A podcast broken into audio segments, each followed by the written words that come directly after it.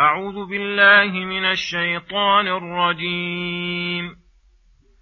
والذين هاجروا في سبيل الله ثم قتلوا أو ماتوا ليرزقنهم الله رزقا حسنا. وإن الله لهو خير الرازقين. ليدخلنهم مدخلا يرضونه وان الله لعليم حليم ذلك ومن عاقب بمثل ما عوقب به ثم بغي عليه لينصرنه الله إن الله لعفو غفور. ذلك بأن الله يولج الليل في النهار ويولج النهار في الليل وأن الله سميع بصير.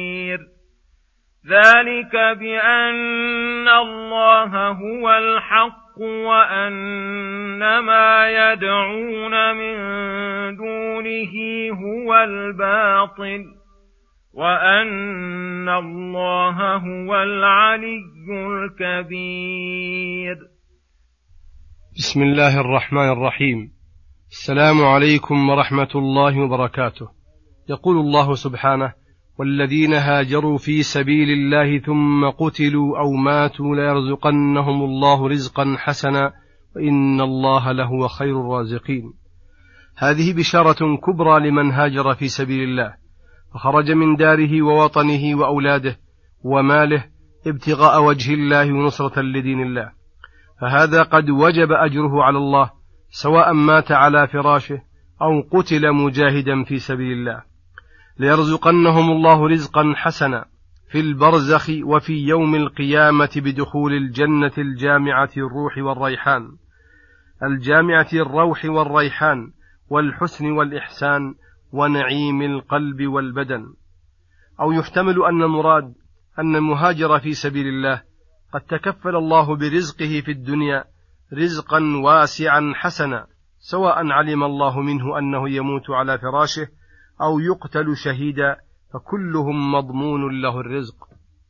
فلا يتوهم أنه إذا خرج من دياره وأمواله سيفتقر ويحتاج فإن رازقه هو خير الرازقين.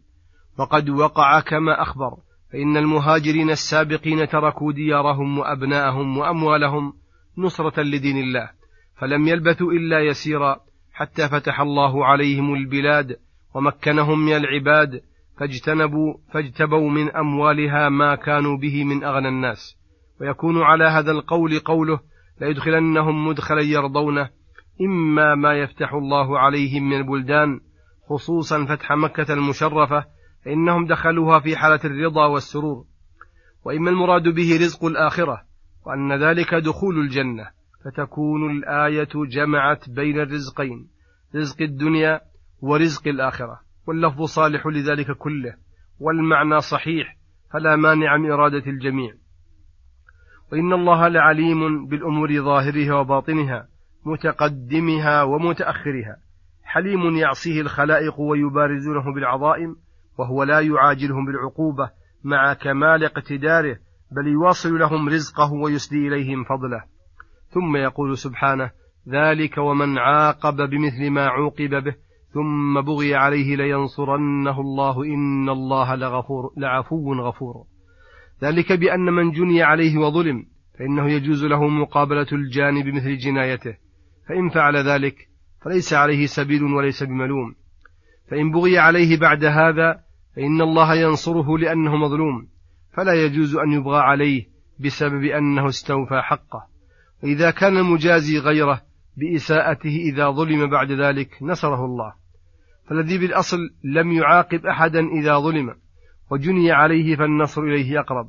إن الله لعفو غفور أي يعفو عن المذنبين فلا يعاجلهم بالعقوبة ويغفر ذنوبهم فيزيلها ويزيل آثارها عنهم.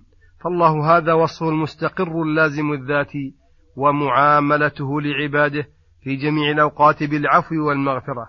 فينبغي لكم أيها المظلومون المجني عليهم أن تعفوا وتصفحوا وتغفروا ليعاملكم الله كما تعاملون عباده فمن عفا وأصلح فأجره على الله. ثم يقول سبحانه ذلك بأن الله يلج الليل في النهار ويلج النهار في الليل وأن الله سميع بصير. ذلك الذي شرع لكم تلك الأحكام الحسنة العادلة هو حسن التصرف في تقديره وتدبيره. الذي يولج الليل في النهار أي يدخل هذا على هذا وهذا على هذا فيأتي بالليل بعد النهار. وبالنهار بعد الليل ويزيد في أحدهما ما ينقصه من الآخر ثم بالعكس. فيترتب على ذلك قيام الفصول ومصالح الليل والنهار والشمس والقمر التي هي من أجل نعمه على العباد وهي من الضروريات لهم. وإن الله, وإن الله سميع يسمع ضجيج الأصوات باختلاف اللغات على تفنن الحاجات. بصير يرى دبيب النملة السوداء تحت الصخرة الصماء في الليلة الظلماء سواء منكم من أسر القول ومن جهر به ومن هو مستخف ومن هو مستخف بالليل وسالب بالنهار. ذلك أي صاحب الحكم والأحكام بأن الله هو الحق أي الثابت الذي لا يزال ولا يزول الأول الذي ليس قبله شيء الآخر الذي ليس بعده شيء كامل الأسماء والصفات صادق الوعد الذي وعده حق ولقاؤه حق ودينه حق وعبادته هي الحق النافعة الباقية على الدوام. وأن ما يدعون من دونه من الأصنام والأنداد من الحيوانات والجمادات هو الباطل الذي هو باطل في نفسه وعبادته باطلة لأنها متعلقة بمضمح فاني فتبطل تبعا لغايتها ومقصودها. فإن الله هو العلي الكبير. العلي في ذاته فهو عال على جميع المخلوقات. وفي قدره فهو كامل الصفات وفي قهره لجميع المخلوقات الكبير في ذاته وفي أسمائه وفي صفاته الذي من عظمته وكبريائه أن الأرض قبضته يوم القيامة والسماوات مطويات بيمينه. ومن كبريائه أن كرسيه وسع السماوات والأرض ومن عظمته وكبريائه أن نواصي العباد بيده فلا يتصرفون إلا بمشيئته. ولا يتحركون ويسكنون إلا بإرادته. وحقيقة الكبرياء التي لا يعلمها إلا هو. لا ملك مقرب ولا نبي مرسل أنها كل صفة كمال وجلال وكبرياء وعظمة فهي ثابتة له وله من تلك الصفات أجلها وأكملها. ومن كبريائه أن العبادات كلها الصادرة من أهل السماوات والأرض كلها القصود منها المقصود منها تكبيره وتعظيمه وإجلاله وإكرامه ولهذا كان التكبير شعارا للعبادات ولهذا كان التكبير شعارا لعبادة الكبار كالصلاة, كالصلاة وغيرها وصلى الله وسلم على نبينا محمد وعلى آله وصحبه أجمعين وإلى الحلقة القادمة غدا إن شاء الله والسلام عليكم ورحمة الله وبركاته.